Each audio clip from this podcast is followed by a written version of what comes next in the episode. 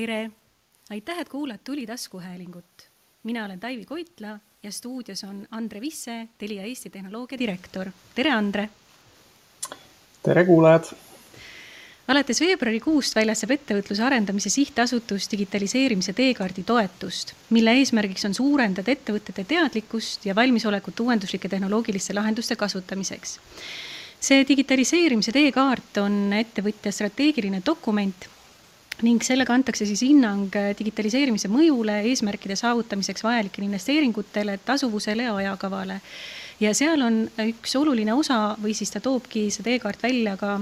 tehnoloogiliste protsesside kitsaskohad, sealhulgas ka küberturvalisuse teemad. Andre, Turu-uuringute Aktsiaselts viis Telia tellimusel läbi küberturvalisuse uuringu Eesti ettevõtete seas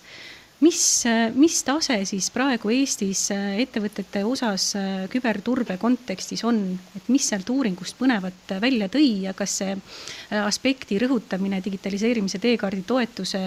paketis on, on, on ülioluline või oluline või vähem tähtis? hea küsimus, tõesti selline uuring meie tellimusel läbi sai viidud ja ja peab ütlema, et kindlasti on tegemist üliüliolulise teemaga, eriti äh, vaadates äh, hetke muutunud olukorda, äh, digitaliseerumise olulisuse kasvu kogu ühiskonnas. et ja, ja ütleme nii, et ega selle tulem-, uuringu tulemused ka siis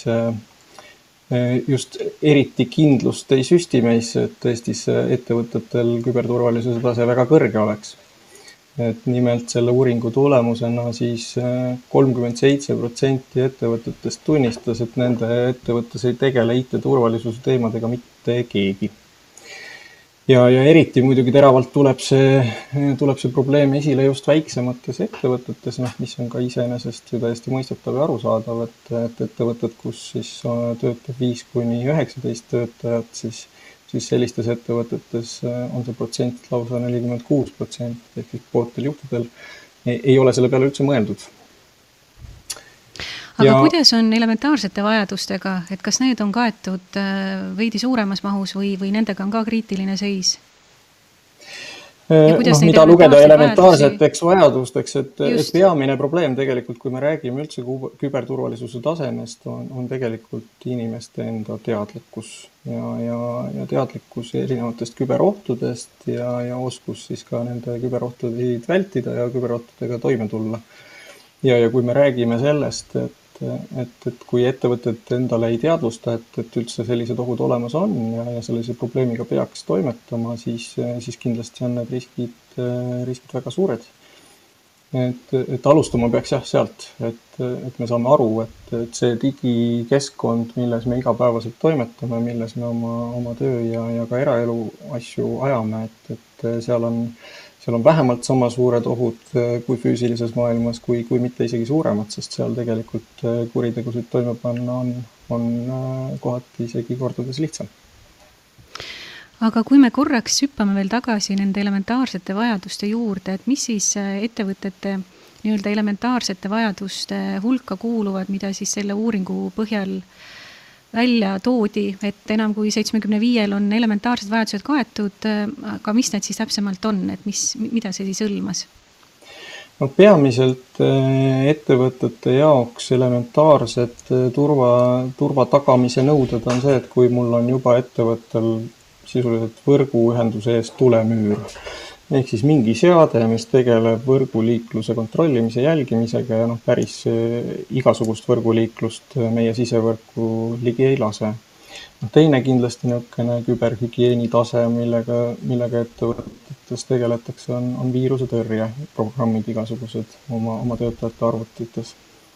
aga jah, tihti ei teadvustata seda, et, tänapäeva küberkurjategijad on, on väga nutikad ja, ja järjest tegelikult need, äh, need ründed muutuvad nutikamaks, äh, muutuvad automatiseeritumaks, äh, kasutavad igasuguseid erinevaid automatiseerimise ai lahendusi. Ja, ja need ründed on juba nii personaliseeritud, et kui, kui siin veel, ma ei tea, kümmekond aastat või mõned aastad isegi tagasi oli ikkagi võrdlemisi keeruline teostada niisuguseid noh, phishing email attack'e või, või, või mingeid personaalseid sõnumeid saata inimestele, siis, siis tänapäeva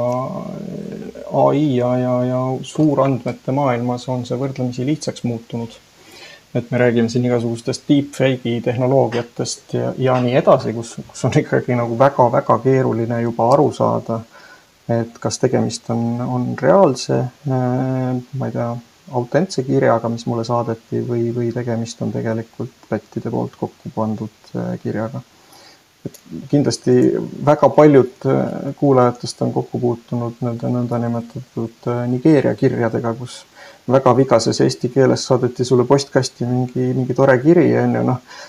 sealt ei olnud väga raske mõista, et ilmselt ei ole tegemist väga autentse kirjaga ja ilmselt ma ei hakka kohe sadu tuhandeid eurosid kellelegi Nigeeriasse kandma, et, et, et rahalaevad kohale saabuksid siis, siis tänapäeval on tõesti need kirjad sellised, et noh, sulle jääb mulje, et sinu kliendihaldur pangast saatis sulle kirja ja, ja nüüd palub sinu andmeid, on ju. et, et selles mõttes need on jah, nutikamaks läinud ja, ja seda enam töötajate, inimeste teadlikkust on, on vaja selles osas kõvasti tõsta ja järele aidata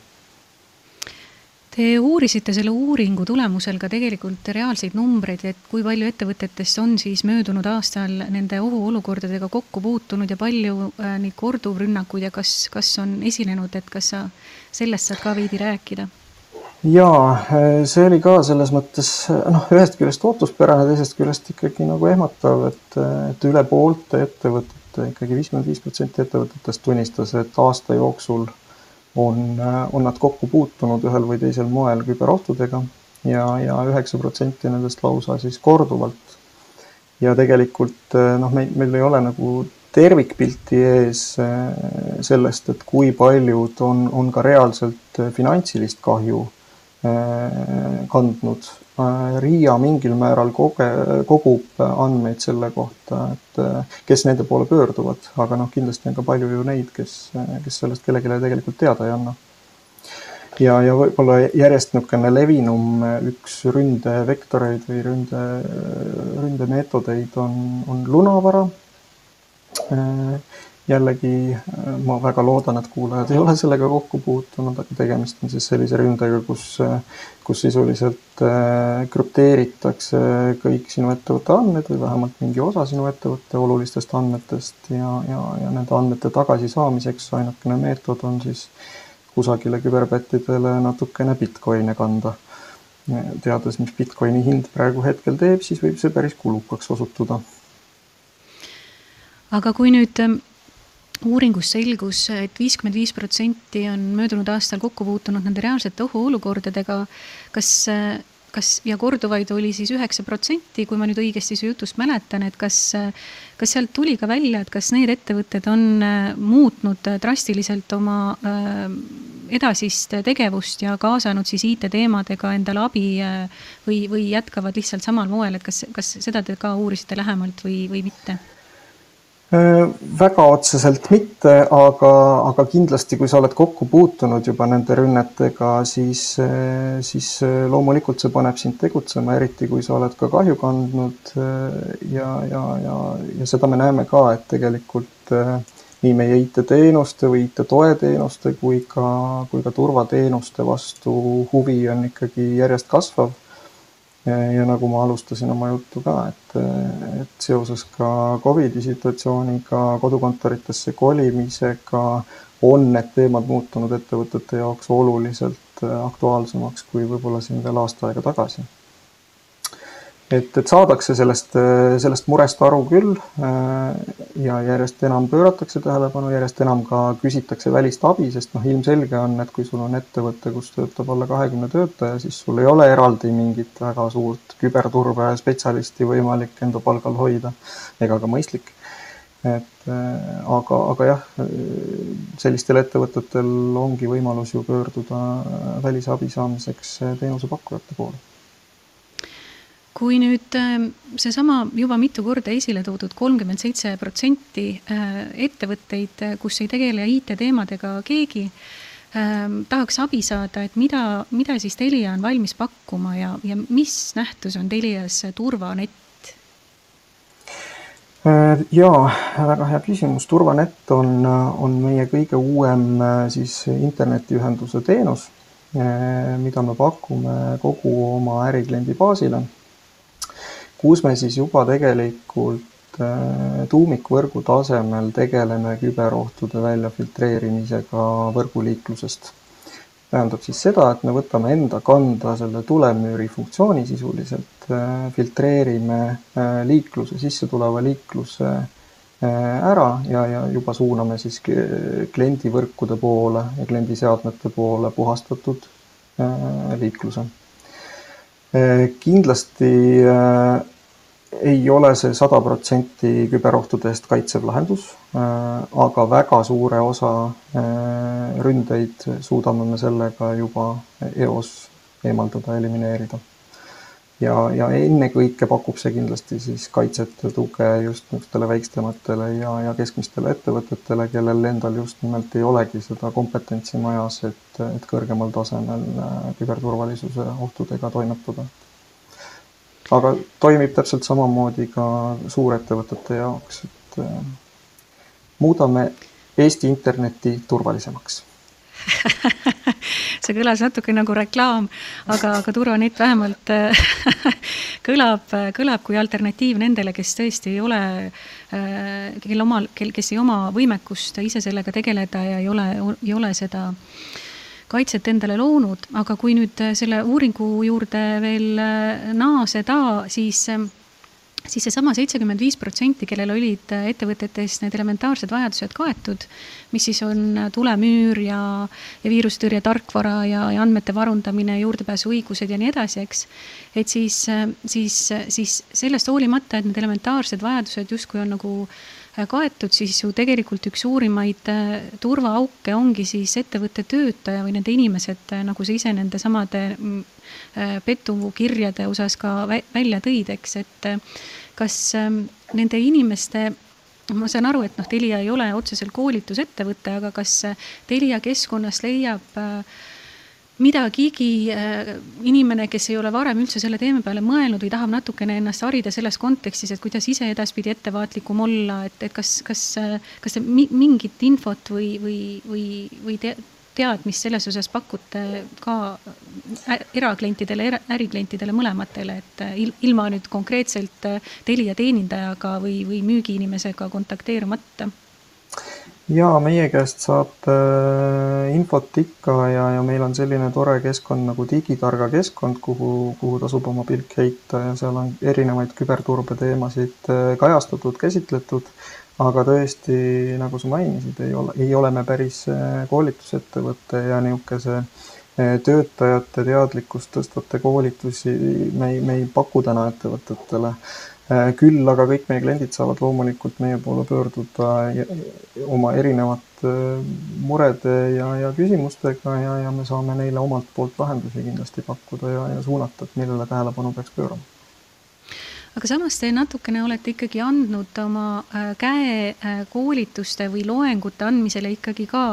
et see nüüd ei ole otseselt ettevõtteid puudutav, aga puudutab meid kõiki igapäevaselt, et äh, ma olen kursis, et Telia äh, viib läbi küberkiusamise loenguid koolides. Et räägi natukene sellest ka, et on sul selle kohta ka rohkem teavet, et äh, mis te siis täpselt seal teete? ikka ja... on et tegemist, tegemist on väga, väga toreda vabatahtlikkuse alusel ellu kutsutud, meil on nimelt Telias selline vabatahtlikkuse programm nagu Unite kus me siis tegelikult võimaldame igale Telia töötajale kalendriaasta jooksul kaheksa tunni ulatuses vaba aega, mille arvelt ta saab siis panustada ühiskonda erinevate vabatahtlike tegevustega ja soovituslikult võiksid need olla digivaldkonnaga seotud. Ja väga paljud meie töötajad on kasutanud seda võimalust just selleks, et käia koolides laste küberturvalisuse alast ja küberkiusamise alast teadlikkust tõstmas ja, ja teavitustööd tegemas, et meil on eraldi selline niisugune koolituspakett lastele välja mõeldud ja, ja niisugune tore,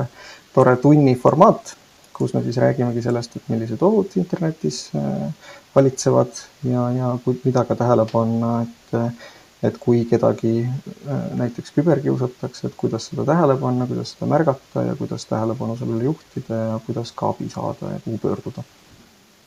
on sul ka infot selle kohta, et kuidas siis lapsed on selle teabe vastu võtnud?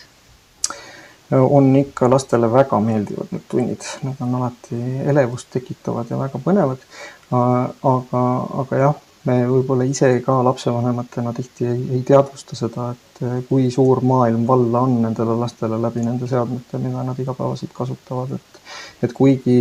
isegi, isegi väga teadliku lapsevanemana üritades piirata neid võimalusi, siis siis tegelikult ega sellele lõpuni kätt ette panna ei saa ja neid seadmeid on nii palju, et, et tihti ei jõua neid kõiki ära piirata.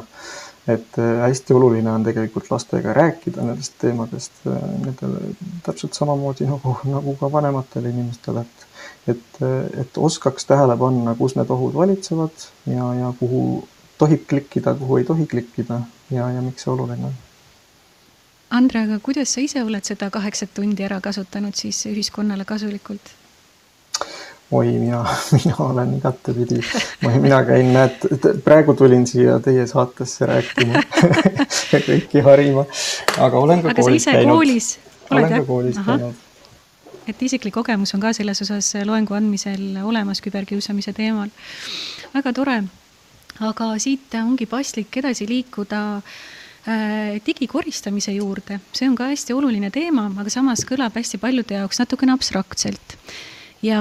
ja kahekümne kaheksandal jaanuaril siis äh, toimus järjekordne digikoristuspäev, kus siis äh, või siis mille siis algatasid või, või eestvedajateks olidki siis Telia maailmakoristuspäev, Tallinna Ülikool ja Tartu Loodusmaja et, et mis see digikoristuspäev siis täpselt on ja, ja kuidas teil sel aastal läks? jaa, digikoristuspäevaga me alustasime kaks tuhat üheksateist aasta alguses ja seekordne digikoristuspäev oli siis juba järjekorras kolmas. ja, ja miks see aktsioon sai kunagi ellu kutsutud, oli just see, et, et tähelepanu tegelikult pöörata kogu sellele digitaalsele prügile, mis, mis meie ümber on. Ja, ja tegelikult kogu selle digiprügi tekitatud keskkonna mõjudele. Äh, ja, ja me oleme, me oleme väga keskkonda hoidev ettevõte, meil on endal ambitsioonikas eesmärk äh, olla äh, süsinikdioksiidi neutraalne aastaks kaks tuhat kolmkümmend ja me oleme väga selgelt aru saanud, et tegelikult see ei õnnestu meil mitte kuidagi ainult enda tegevusi muutes, vaid me peame tegelikult kaasama siia laiemalt enda partnereid, kliente, meie tarnijaid, kogu ühiskonda. Ja, ja see digikoristuspäev on, on üks nendest võimalustest, kuidas seda teha. ja miks see siis oluline on, on, on tegelikult see, et kõik need kasutuna sea-, äh, seisvad andmed, meil igasugustes erinevates seadmetes täna äh, tolmu koguvad, nõndanimetatud virtuaalset tolmu Need tegelikult äh, kulutavad väga palju energiat, sest tüüpiliselt me mõtleme küll, et noh, mis, mis see siis, mis see siis energiat nüüd kulutab, et istub mul see fail kuskil siin telefonis.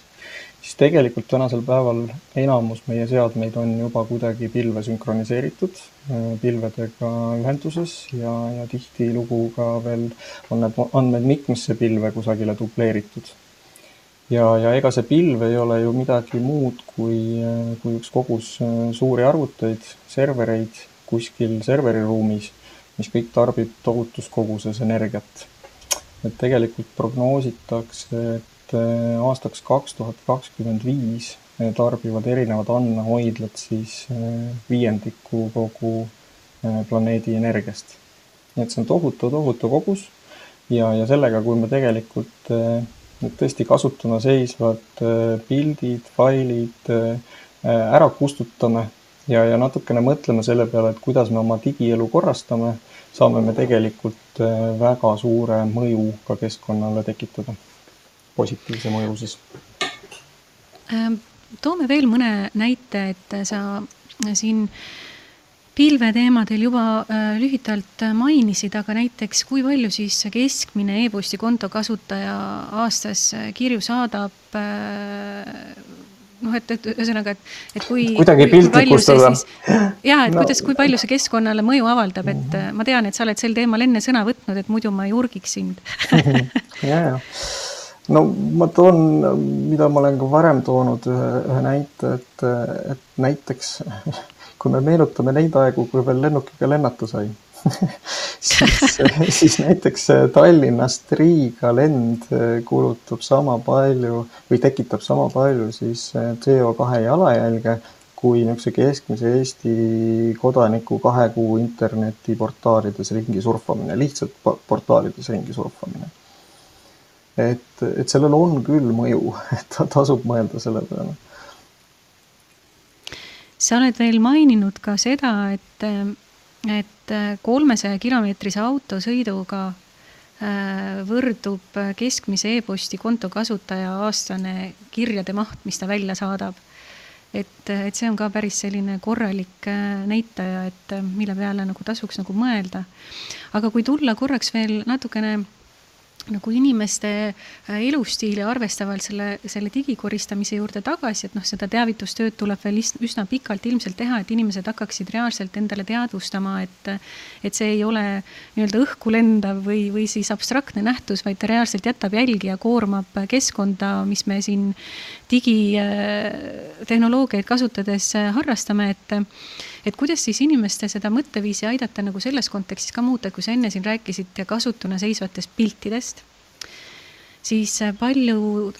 inimesed võtavadki kusagile äh, mm, keskkondadesse üles laaditud või kasvõi arvutis olevaid pilte kui oma nagu isiklikku albumit või ajalugu. et varem need ju paberkandjal pandi albumi vahele ja nüüd, nüüd see ajalugu on ju digitaliseeritud, et nende jaoks see ju ei seisa kasutult aga, aga teie jaoks justkui ju, ju seisab kasutult, eks, et mis ta siis peaks ei, ei, ei, vot see ei ole nüüd see hea näide, et selles mõttes kindlasti ei käsi keegi sul hakata fotoalbumeid ära kustutama, et, et ajalugu sinu jaoks oluline enam ei oleks. aga küll, aga kui vaadata meie niisugust kasutusmustrit täna, et kuidas me pilte teeme ja milliseid pilte me salvestame siis äh, ma arvan, et ma ei ole ainukene, kes äh, tavaliselt ühest stseenist teeb vähemalt niisugune viis-kuus klõpsu, sellepärast et noh, tänasel päeval ju saab, enam ei, enam ei ole neid äh, lindiga fotoaparaate, kus oli loetud kolmkümmend kaks kaadrit ja siis kõigepealt on. nähti pool tundi, pool tundi vaeva, enne kui see üks klõps ära tehti, on ju, et nüüd, nüüd klõpsivad kõik suvaliselt kõigest pilte.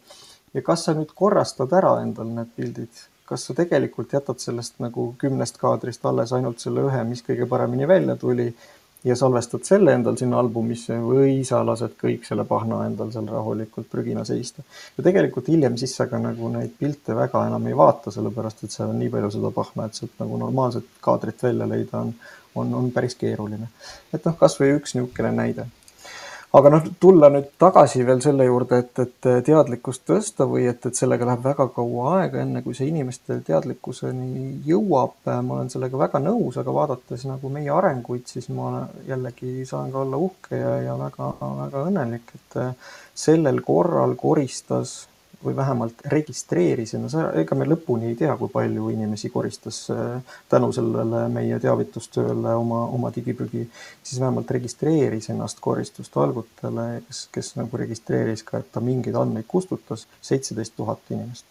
mis on juba päris märkimisväärne number. Ja, ja see on, see on ju suisa suurepärane hüpe, sest eelmisel aastal, kui ma Äh, õigesti nüüd äh, tuvastasin, registreeris sada viiskümmend ettevõtet ja tuhandeid eraisikuid, seitseteist tuhat on juba. see nagu seitseteist tuhat on ligi kolm korda enam kui, kui ja. eelmine aasta, et et see kasv on olnud väga suur ja kindlasti me oleme ka väga-väga õnnelikud ja rahul, et maailmakoristuspäev oma õla alla pani sellele üritusele ja aitab seda mentaliteeti tegelikult, kuna nemad on äh, ikkagi juba väga rahvusvahelistunud ja rahvusvaheliseks muutunud siis aitab, äh, aitab ka seda nagu teadlikkust äh, maailma viia, sest ega me siin ei, ei tegele ju ainult Eesti-keskselt selle keskkonnaga, keskkond on meil ikkagi globaalne ja, ja ühine on sul infot, kas, äh, kuigi maailma koristuspäev aitab seda teadvustada ka väljaspool Eestit, kas on sul infot, kus riikides veel korraldatakse selliseid regulaarseid ühiseid digikoristuspäevi? Meile teadaolevalt oleme me täitsa pioneerid selles vallas ja, ja ka tegelikult Telia kompanii teised riigid eh, ei, ei tee täna niisuguseid asju. nii et, et saame siin olla jälle trendiloojad loodetavasti. Või olete juba, olete seda juba, aga räägime korraks veel eh, sellest eh, natukene piltlikustamisest siis nende abstraktsemate nähtuste kõrval, et, et inimesi paremini äh, juhtide arusaamisele, kes pole enne nende teemade peale mõelnud, et seda sa juba mainisid, et äh, pilveruum ei ole midagi abstraktset, et see on ikkagi kusagil mujal reaalselt eksisteeriv server, mis kogub seda, kogub seda koormust sinu enda koduse seadme asemel. Aga, aga kuidas on näiteks äh, krüptoraha kaevandamisega, et see on ju ka üsna energiamahukas tegevus, et ei ole, ei ole midagi nii lihtne, et äh, on on krüptovaluuta ja, ja, ja, ja tundub, et on keskkonnasõbralik, et, et on sul selle kohta ka mingisuguseid numbreid nimetada? ja krüptovaluuta on veel kõige energiamaiam, et, et tegelikult krüpto kaevandamine on, on väga-väga energiamahukas tegevus ja, ja selleks kasutatakse erinevaid väga võimsaid graafikaprotsessoreid ja graafikakaarte, mis, mis, mis kohe ulmeliselt energiat tarbivad, nii et tegelikult tänaseks päevaks on äh, kogu, kogu see krüptomaailm tarbimas juba enam energiat kui näiteks Soome riik. aga noh, selle koha pealt ma kahjuks ei saa soovitusi anda, et mis nüüd siis tegema peaks. Et soovitame mitte investeerida krüptovaluutasse või, või hoiduda sellest, et, et et, et paraku, paraku see tehnoloogia selline on, et, et kui me tahame krüpto, krüptovaluutas ja krüptotehnoloogiaid kasutada, siis, siis see on väga energiamahukas. Andre, läheme siit edasi võib-olla ka mm, Telia arengute osas nüüd, mis ees seisavad ja mis, mida, mida te saate juba välja öelda, et mis siis on Telia plaanid ja arengud sinu valdkonna vaates äh, lähema paari kuni viie aasta jooksul no peamiste fookustena tuleb kindlasti välja tuua 5G võrgu väljaarendamine, mis on siin lähema paari-kolme kuni viie aasta teema kindlasti, et, et teatavasti novembris me esimesena Eestis esimese 5G võrgu avasime. aga, aga nüüd on vaja hoogsalt äh, investeerida sellesse valdkonda ja, ja viia see 5G ka üle-eestiliseks ja, ja kindlasti just äh, alustades nendest piirkondadest, kus see kõige rohkem klientide jaoks väärtust loob, et äh, tiheasustusalad äh, ja, ja kui meil toimub ära ka nüüd 5G jaoks mõeldud kolme poole gigahertsi sagedusoktsioon, siis, siis kindlasti saame ka äh, Äh, nendesse fixed wireless access äh, aladesse või siis koduinternet üle õhu äh, aladesse võimekust ja, ja mahtu juurde lisada, et et ega see üle õhu internet on samamoodi mingi teatud, teatud ressurss, mis on piiratud ressurss oma olemuselt, et nii palju, kui seda sagedust on, nii palju saab, saab ka klientidele teenust selle peal osutada ja ja, ja kui meil neid sagedusi ei ole, siis, siis äh, kipub see sagedusriba ka nagu, nagu meil, ma ei tea, äh, kiirteel tekivad ummikud, samamoodi tekivad ka tipptunnil ummikud äh, mobiilses internetis Forbes on äh, toonud välja päris huvitavaid artikleid nüüd Ameerika Ühendriikide näitel aastast kaks tuhat kaheksateist, aastast kaks tuhat kakskümmend, kuidas nad muudkui toovad esile seda, et 5G jätab inimesi täiesti külmaks, inimesed ei saa aru, mis see täpselt on, mis lisaväärtust see loob, mis nad tegema peab, miks neid sellega tülitatakse. Ähm, teavad äh, natukene rohkem ja võib-olla omanäoliselt sellest äh, Äh, mõningad äh, meditsiinitöötajad ja vandenõuteoreetikud, et ärme sellele praegu tähelepanu suuna, kuigi see on ka kahtlemata põnev teema, et võib-olla mõni teinekord saame sel teemal ka pikemalt arutada. ja, ja siin on veel ka mõned huvitavad poliitilised aspektid, aga, aga mis siis sina tooksid välja, mis on, mis siis selle viienda generatsiooni mobiiltehnoloogia osas erilist on, miks, miks, miks see on meile vajalik ja mis väärtust see meile tulevikus reaalselt ka inimestele loob? No ennekõike, kui me räägime tavatarbijast, tavalisest erakliendist, inimesest, kes tänaval ringi liigub, siis ennekõike ta toob äh, parema internetikiiruse üle õhu. ja, ja miks see oluline on, on see, et noh, nii nagu kõigi eelnevate põlvkondadega me näeme, et, et nad elavad omas ajas ja, ja mingil ajal need mahud seal võrgus lihtsalt kasvavad üle selle tehnoloogia võimekuse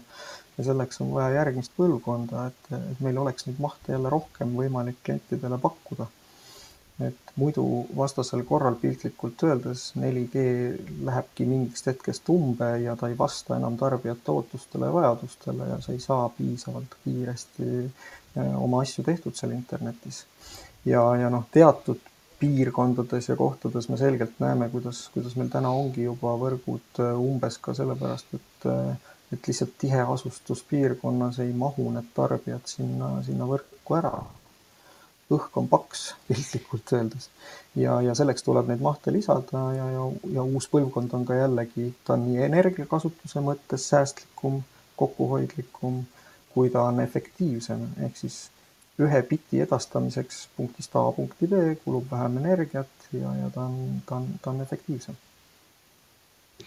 aga see sisuliselt tähendab ka seda, et selleks, et me saaksime hakata seda kasutama, kui nüüd see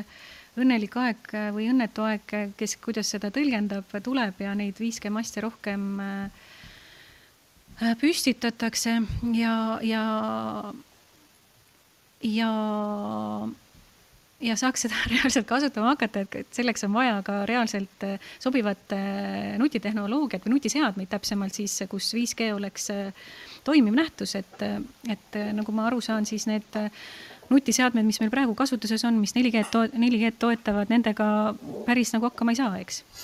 Nii see on, et äh, küll aga ütleme siin viimase aasta jooksul müüdavatest telefonidest juba ikkagi päris paljud toetavad ilusasti ka 5G-d ja, ja kõik uued telefonid kindlasti, mis müüki tulevad, äh, saavad samuti toetama 5G-d. et eks see on alati tehnoloogia arenguga niimoodi olnud, et, äh, et ka need terminalitootjad ja see, see tehnoloogia peab, peab käima sama sammu siis kesktehnoloogia arenguga et äh, järjest me näeme, kuidas alguses esimesed terminalid ja telefonid, mis tulid 5G toega, olid väga kallid ja võib-olla enamusele tarbijatele kättesaamatud, siis, siis järjest äh, ka nagu odavama klassi äh, telefone tuleb 5G toega tänasel päeval müügile Andre, kas sa mäletad sama, samalaadseid kasvuvalusid ka 3G-lt üleminekult 4G-le, et? jaa, ikka, ikka kõik kõik seesama tegelikult toimis täpselt samamoodi. ja noh, samamoodi nagu, nagu võis ju ka 3G olemasolu korral tunduda tarbijale, et, et noh, miks mul seda 4G-d vaja on, et mul on ju juba täna kõik olemas, siis, siis ometigi, kui see 4G tuli, siis, siis kõik said päris kiiresti aru, et ohohoo, nüüd saab tõesti päris ägedaid asju teha ja ja siis hakkas nutitelefonide areng alles pihta ja, ja tuli äppide maailm ja see kõik tundub kuidagi nagu nii kauge, kauge minevik, et kas tõesti me elasime kunagi niisugusel ajal, kui, kui meil olid nuputelefonid ja, ja meil ei olnudki seda põnevat äppide maailma ja iPhone'i, aga, aga tõesti nii see on. et äh, iPhone on ju pärit alles kaks tuhat kaheksa aastast, et äh,, et ei olegi nii väga äh, kaua aega tagasi ja, ja noh, samasugust tegelikult niisugust tehnoloogia arengu eksponentsiaalset hüpet on oodata ka 5G tehnoloogiaga, et kui me täna räägime ka, et et noh, mis ta siis on, et noh, järgmine põlvkond, okei okay,, natuke kiirem internet, noh, milleks meil seda kõike vaja on, 4G on ju olemas, kõik on tore, siis, siis tegelikult mõne aasta pärast me vaatame tagasi ja mõtleme, et kuidas me üldse elada saime ilma selle 5G-ta. et et kogu tegelikult ja noh, peamine efekt ikkagi, no ma rääkisin siin erakliendi vaatest, et mis ta erakliendile toob, siis tegelikult peamine nagu eh, eelis kindlasti hakkab tulema tegelikult läbi, läbi ärikliendi segmendi ja just selle võimekuse, et, et 5G loob platvormi, kuhu peale saab tegelikult oma protsesside automatiseerimise üles ehitada, kuhu peale saab erinevaid IoT lahendusi üles ehitada, kuni autonoomsete sõidukiteni välja, et, see loob selle võimaluse ja platvormi, kuhu peale saab innovatsioon kasvada et, et kui meil seda ei ole, jah, siis me kunagi sellest nagu teada ei saagi ja, ja seda ei teki. Kui me selle platvormi ja võimekuse loome ja, ja, ja teda hästi väetame, siis, siis hakkab sinna peale igasugust elu kasvama, piltlikult öeldes. Läheme korraks tagasi veel ähm, selle küberturvalisuse teema juurde, mis on hästi oluline osa äh, kõigi meie eludest, et, et äh, alates siis väikelastest kuni äh, kuni äh, seeniorideni välja, et ähm, mis äh, oleksid need äh, soovitused sinu poolt, kuhu, kuidas pöörduda, kes saab siis aidata, mida täpselt siis teha, et töötajate teadlikkust kas või tõsta, et et mis, mis sinu soovitused siia lõppu oleks? Äh, ennekõike teadvustada, et, äh, et selle temaatikaga tuleb tegeleda. Ja kui, kui see teadlikkus on juba olemas, küll siis ka need hoovad ja lahendused leiab, et äh, Eestis on küllalt kõrgetasemeline küberturvalisuse teadmine tegelikult olemas, on erinevaid teenusepakkujaid, kes lahendusi pakuvad, on ka võimalik erinevaid koolitusi endale ettevõttesse tellida alati muidugi on võimalik ka iseseisvalt lugeda ja, ja, ja tegelikult tänapäeval on kõik informatsioon kättesaadav. et ennekõike hakkab pihta asi teadvustamisest, et, et selle teemaga tuleb tegeleda. ja, ja muidugi siis, siis julgustada ja suunata oma töötajaid ikkagi äh, koolitama ja, ja seda teadlikkust kasvatama aga siin ongi paslik ähm, teema kokku võtta äh, väikeste soovitustega ka siis äh, minu poolt, et äh, seesama alguses räägitud digitaliseerimise teekaardi toetus, mida siis Ettevõtluse Arendamise Sihtasutus veebruarikuust pakub, sellega saab tutvuda nende veebilehel ja kui on ettevõtetele siis kaardistatud äh, vastav, vastav, vastav olukord, et siis ma saan aru, et Telia pakub ettevõtetele ka omapoolset abi, et äh, et äh, küberohte mini-, minimiseerida või vähendada ja, ja, ja on nii turvanett olemas kui ka töötajate baasteadmiste laiendamiseks ka digitark abiks, eks, et aga ma olen väga tänulik äh, sulle, Andre, selle napi vestluse eest. ütlen veel lõpuks nii palju või lõppu nii palju, et äh, sellesama uuringu kohta saab äh, Telia enda veebilehelt täiendavat infot, et uudisteblokis on paar põnevat artiklit selle kohta ka ilmunud, mida kindlasti tasuks vaadata. et eriti ettevõtjatel endil, kuna, kuna selle uuringu kontekstis siis ilmnes, et mis ühest küljest on positiivne, et optimist, optimism on reaalsusest kõrgem, et aga samas tuleb ise panustada, et olukorda parendada, parandada. aga aitäh, Andre, selle aja eest. aitäh sulle, Taimi. ja aitäh kuulajatele. Ähm, salvestus toimus kuueteistkümnendal veebruaril. stuudios oli Andre Visse, äh, Telia Eesti tehnoloogia direktor. mina olen Taivi Koitla. aitäh kuulamast